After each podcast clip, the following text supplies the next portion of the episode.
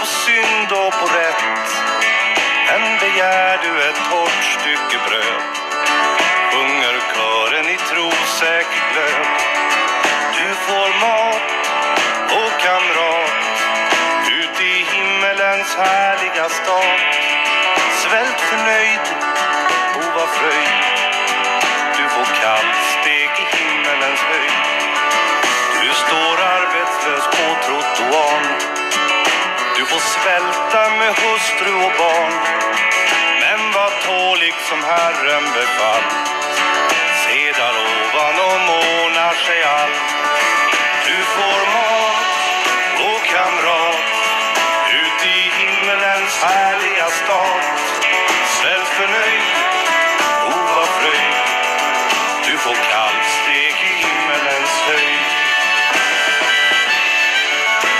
Hej och hjärtligt välkomna till ännu ett avsnitt av min podd Livet i stort och smått av mig Nicke Grozdanowski.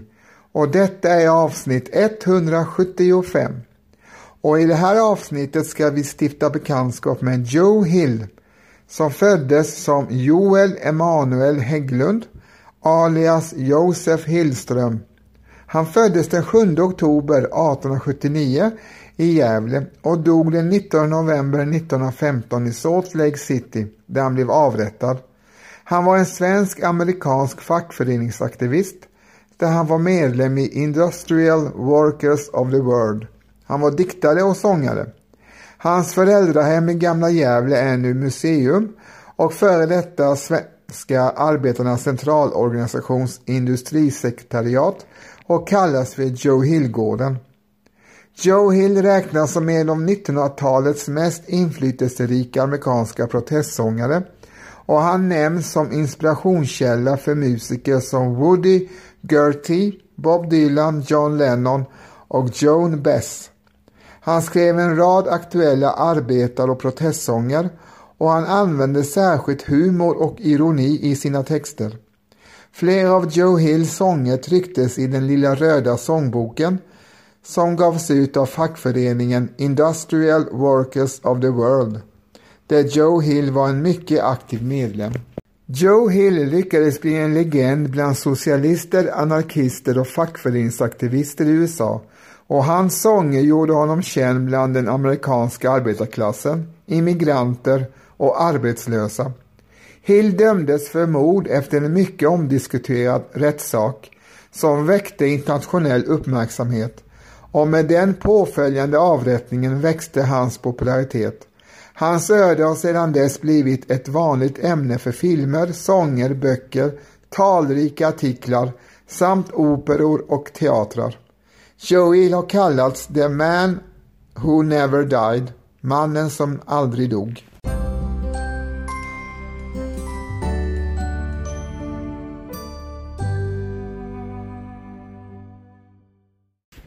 Joe Hill föddes som Joel Emanuel Hägglund den 7 oktober 1879 i Gävle, Gästrikland. Han var tredje barnet i en barnaskara på nio, av vilka sex levde till vuxen ålder. Fadern, Olof Hägglund, arbetade som tågkonduktör vid Gävle-Dala järnväg som gick mellan Gävle och Falun. Familjen Hägglund på Nedre Bergsgatan var en religiös och musikalisk familj och det sjöngs mycket för barnen i hemmen. Under sin barndom lärde sig Joe Hill spela banjo, gitarr, piano och munspel och han började också skriva sina första sånger som handlade om hans familjemedlemmar. Kort efter Joe Hills åttaårsdag 1887 dog fadern i en hjärtinfarkt efter en mindre operation, 41 år gammal. Faderns död medförde en plötslig ekonomisk omvälvning för familjen då familjen bara några månader tidigare utökats med en dotter. Modern Margareta Katarina Hägglund lyckades trots allt hålla ihop familjen men alla var tvungna att hjälpa till med arbetet för att de skulle kunna få en tillräcklig inkomst. Joe Hill arbetade bland annat vid ett lokalt repslageri och senare som eldare vid en byggfirma där han skyfflade kol till en ångmaskin. Då Joe Hill var runt 12 år gammal drabbades han av en sorts tuberkulos som satte sig i hud och knogleder.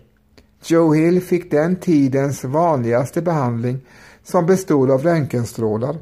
Eftersom detta inte räckte genomgick han senare flera hudbehandlingar i Stockholm.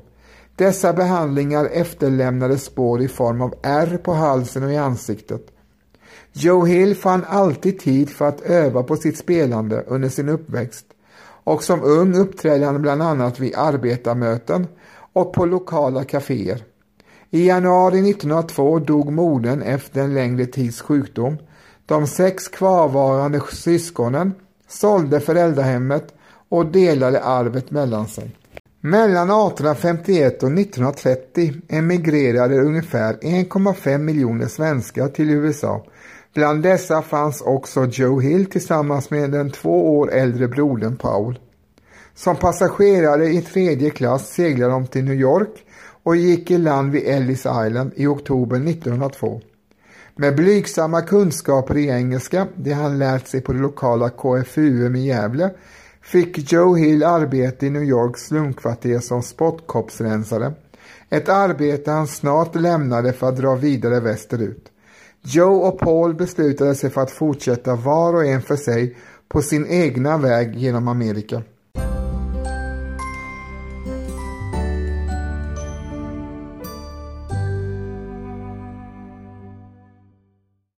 De följande åtta åren i Joe Hills liv är dåligt dokumenterade. Han var en ensamvarg som varken drack eller rökte och helst inte talade om sig själv. Joe Hill arbetade sig igenom Amerika bland annat som lantbruksarbetare, byggarbetare, hamnarbetare och skogshuggare. Ett julkort Joe Hill skickade hem till familjen 1905 finns bevarat och det är poststämplat i Cleveland, Ohio.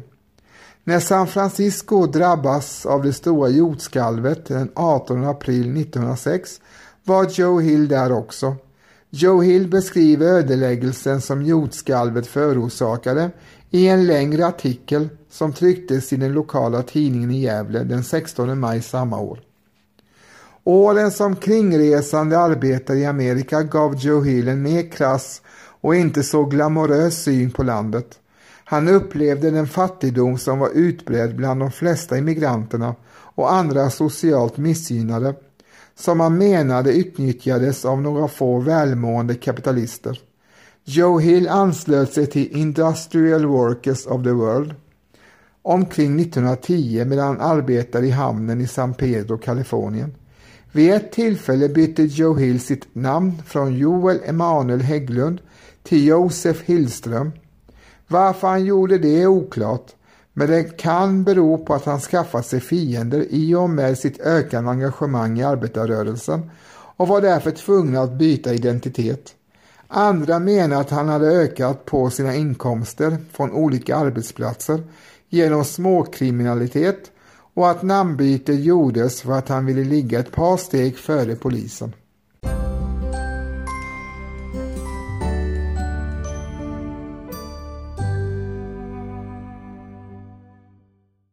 Industrial Workers of the World med förkortningen IWW med mottot An injury to one is an injury to all. En orätt mot en är en orätt mot alla.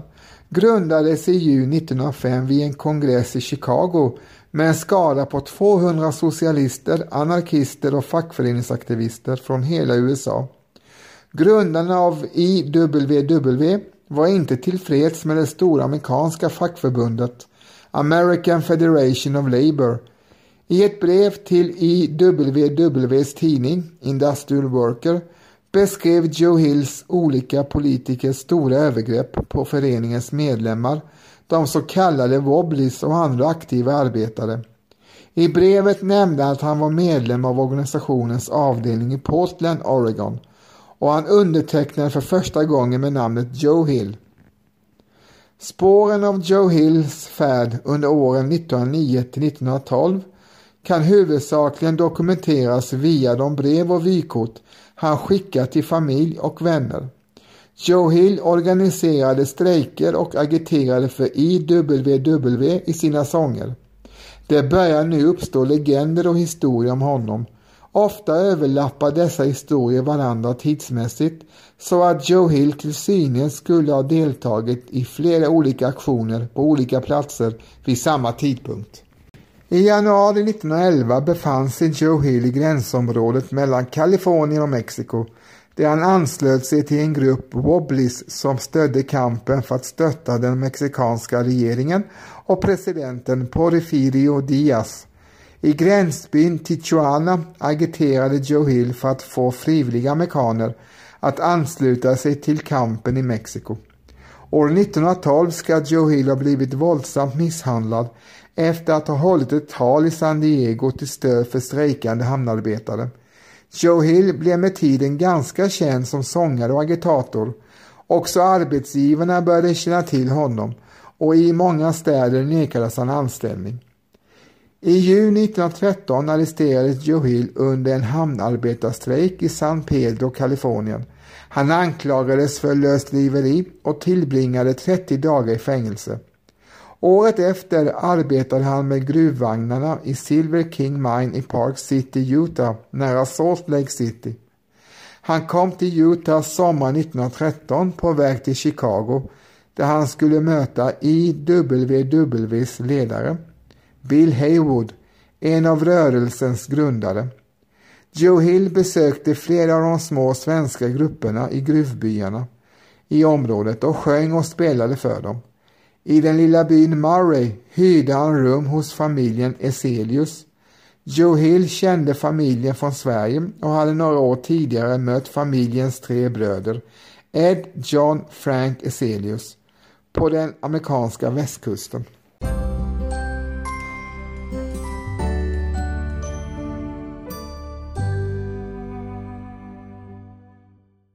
Med sin talang som diktare, sångare och talare deltog Joe Hill i arbetet med att organisera och skaffa medlemmar till IWW. Hans sånger blev kända i en stadig växande krets och då Joe Hill ofta skrev humoristiska texter med en för den tiden mycket skarp ironisk underton kändes sångerna huttiga i många smak. Han blev speciellt känd för uttrycket You'll get pie in the sky when you die, som stammar från hans kanske mest berömda sång The Preacher and the Slave. Texten skrevs som en parodi på den mest kända amerikanska väckelsesången In the sweet by and by och det gick att sjunga Joe Hills text när Frälsningsarmén spelade melodin vid matköerna och vid väckelsemötena. Citat en pamflett, oavsett hur bra den är, blir aldrig läst mer än en gång, skrev Joe Hill och fortsätter. Men en sång läs en utantill och sjungs gång på gång. Slutcitat. Och det är precis vad som skedde med hans sånger. Joe Hills texter trycktes i den första utgåvan av IWWs arbetarsångbok, den lilla röda sångboken från 1909 och fastän han aldrig själv spelade in sin musik lärde folk sig Joe Hills sånger utantill och de sjöngs på demonstrationer, strejker och aktioner runt om i hela USA.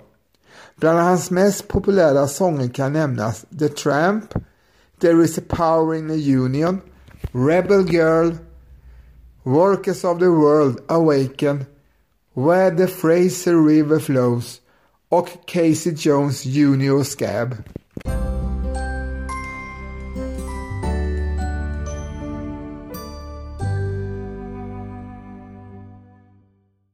Den 10 januari 1914 på kvällen var den före detta polismannen John G. Morrison på sitt arbete i en slakteributik han drev i Salt Lake City.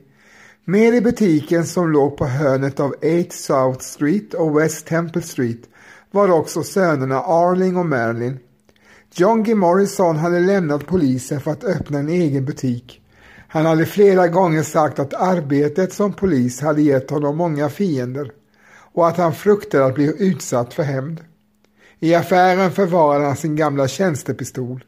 Butiken hade rånats för och minst en gång hade han använt sitt vapen för att skjuta sig fri.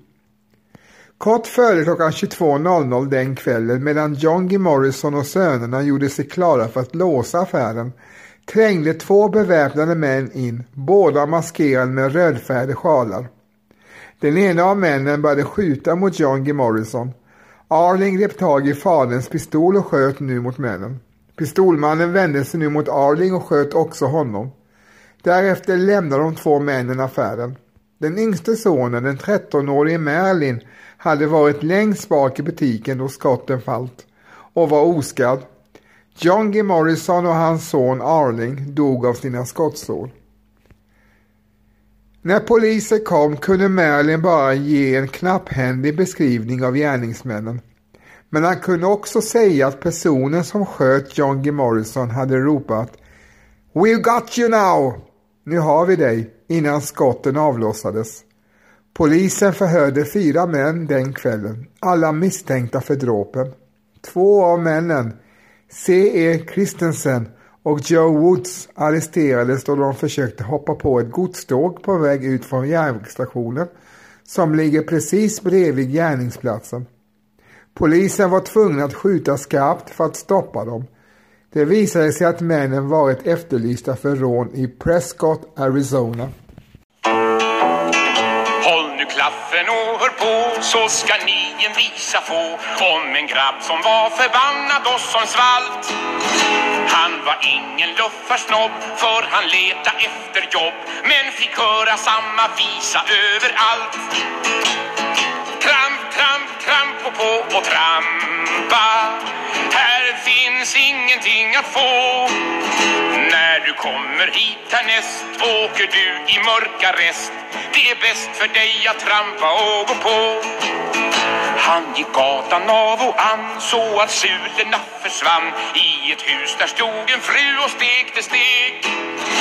Och han sa god dag, god dag, får man hugga vid ett slag? Vad hon svarade, det gjorde honom blek. Tramp, tramp, tramp, gå på och trampa.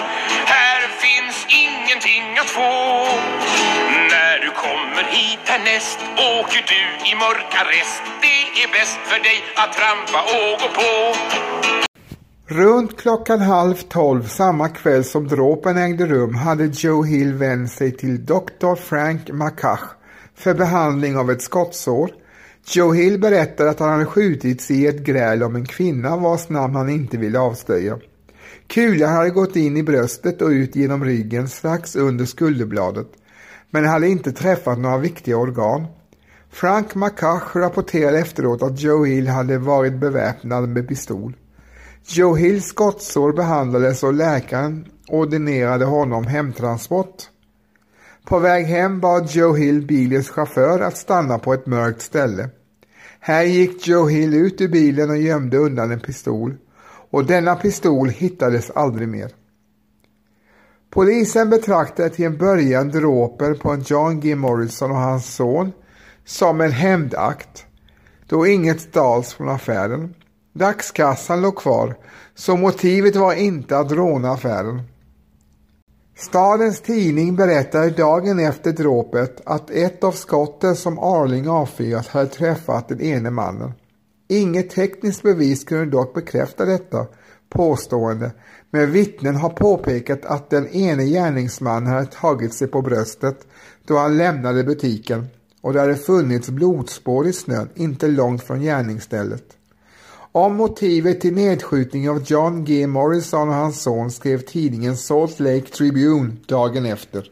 Citat. Att hämnd var motivet bakom förbrytelsen är polisens uppfattning.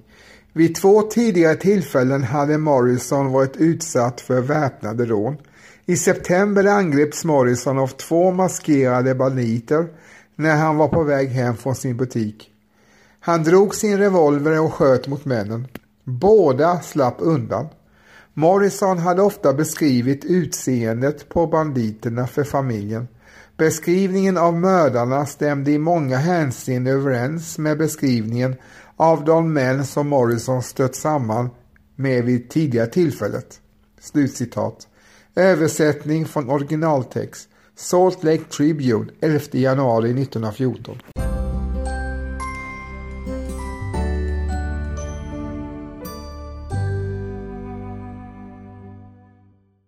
Polisen efterlyste de två gärningsmännen och tidningen bad alla som kunde bidra till att fallet klarades upp att ge sig till känna. Då Dr. Frank McCush nästa morgon läste detta i tidningen kontaktade han polisen och berättade om Joe Hills skottsår. Tre dagar senare var Frank McCush på hembesök hos Joe Hill för att se till hans sår och ge honom smärtstillande mediciner. Samtidigt stormade polisen från Murray, John Hills rum hos familjen Eselius och fann Joe Hill liggande i sängen. Med dragna vapen befallde de honom att ligga stilla. När Joe Hill tyckte sträcka sig efter något avfyrade en av polismännen ett skott som träffade Joe Hill i handen. På hans rum fann de en rödfärgad scarf men inte den pistol som läkaren hade berättat om. Det var inte en pistol utan ett par byxor Joe Hill hade sträckt sig efter.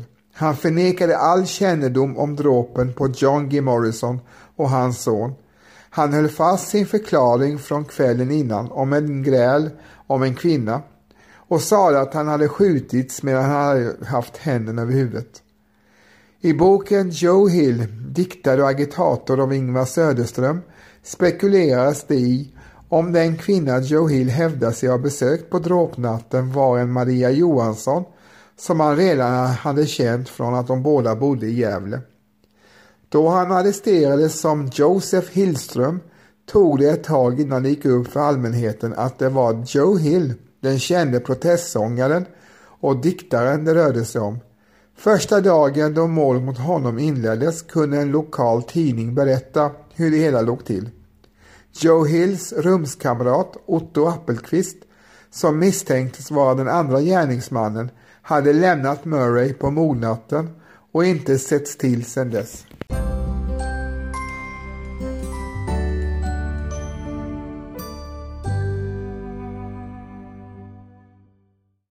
Det bestämdes att en inledande rättsförhandling skulle avgöra om det fanns någon saklig grund för att resa åtal mot Joe Hill för dråp. Joe Hill avstod från att använda en försvarare vid rättsförhandlingarna och krävde att få försvara sig själv, pro se defense, med hänvisning till sin fattigdom. Åklagaren hävdade vid rättsförhandlingen att Joe Hill hade planerat ett väpnat rån mot John G. Morrisons affär men att rånet slog fel varefter Joe Hill hade dräpt de två i butiken.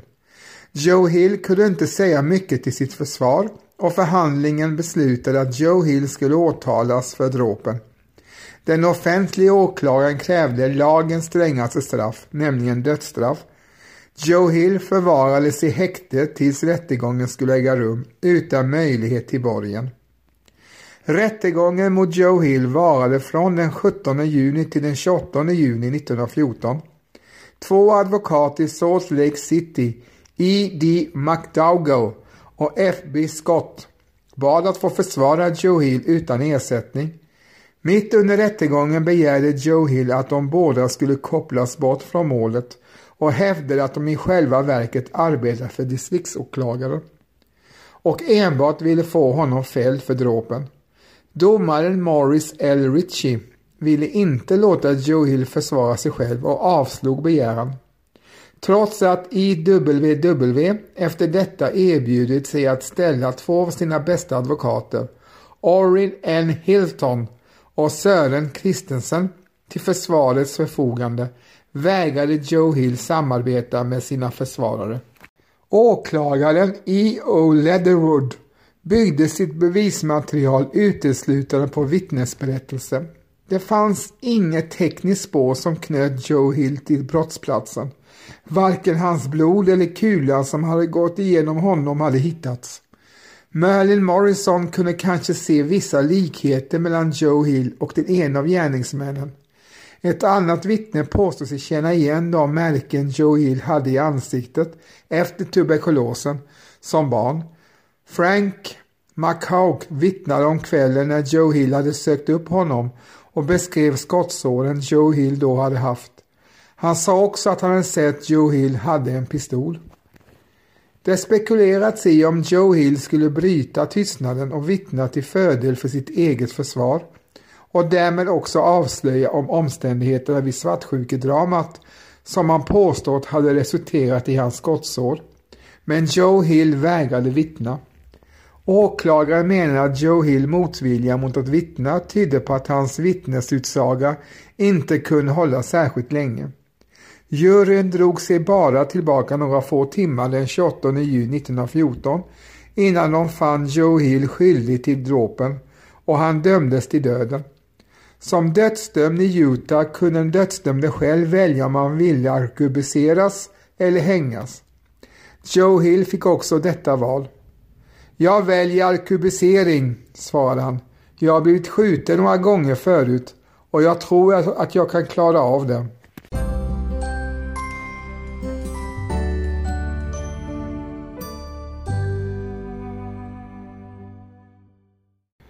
Joe Hill fördes till Utah State Penitentiary där han skulle invänta avrättningen.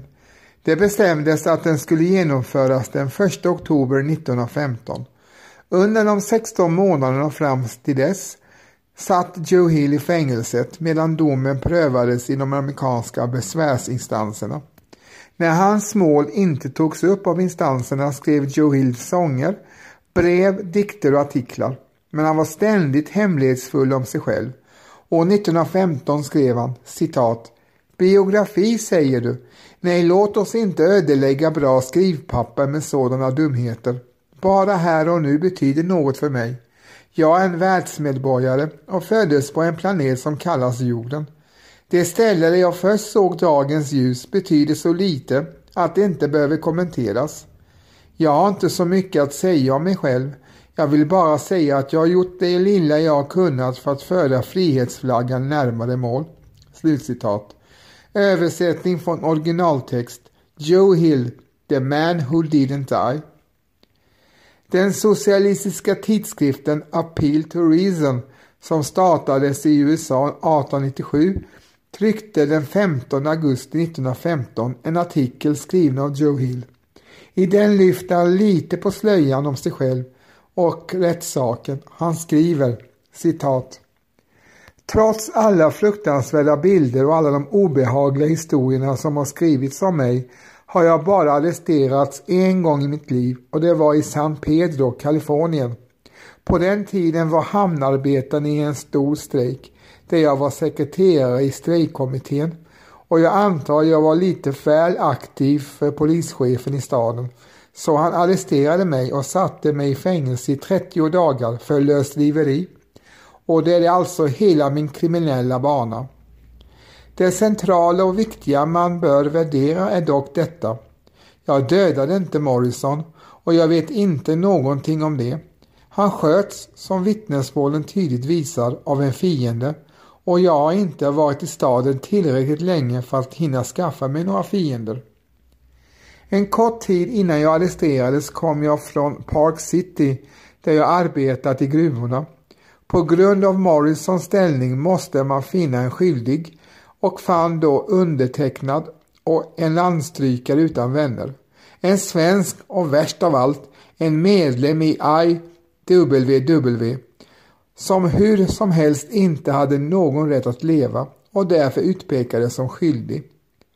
Jag har alltid arbetat hårt för mitt levebröd och betalat för mig allt jag mottagit och på min fritid målar jag tavlor, skriver sånger och komponerar musik.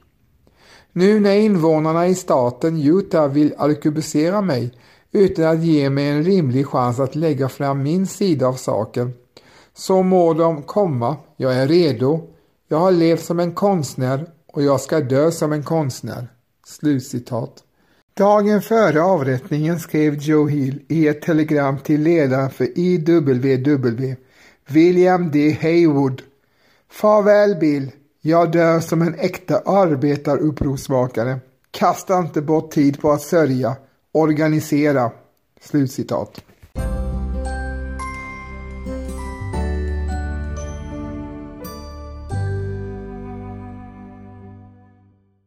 Då har ni fått höra den första delen av två om Joe Hill, den store poeten, vissångaren, agitatorn och fackföreningskämpen som emigrerade till USA på 1900-talets början från Gävle. Och I detta avsnitt har ni fått höra om hans liv och gärning och hans eh, påstådda brott som han faktiskt blev avrättad för. Och eh, i andra avsnittet får ni höra vad han har betytt för sin samtid och för nutidens människor. I avsnittets början fick ni höra Lukas Stark framföra Prästen och slaven. Och i mitten av eh, avsnittet fick ni höra Fred Åkerström sjunga Luffaren, som också är en Joe Hill-tolkning. Och som avslutning får ni höra den engelska versionen av Prästen och slaven, framförd av Lukas Stark. Min podd utkommer två gånger i veckan, onsdagar och lördagar med bonusavsnitt lite då och då, så håll utkik. Och med detta vill jag tacka dig som har hört på avsnittet och hälsa dig hjärtligt välkommen till kommande släppta avsnitt. Och medan ni väntar på det så kan ni med glädje lyssna på de tidigare släppta avsnitten. Tack än en gång för att ni lyssnade. På återhörande. Håll fanan högt. Hej då!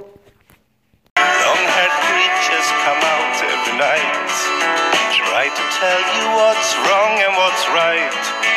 But when asked about something to eat They will answer with voices so sweet. You will eat by and by In that glorious land above the sky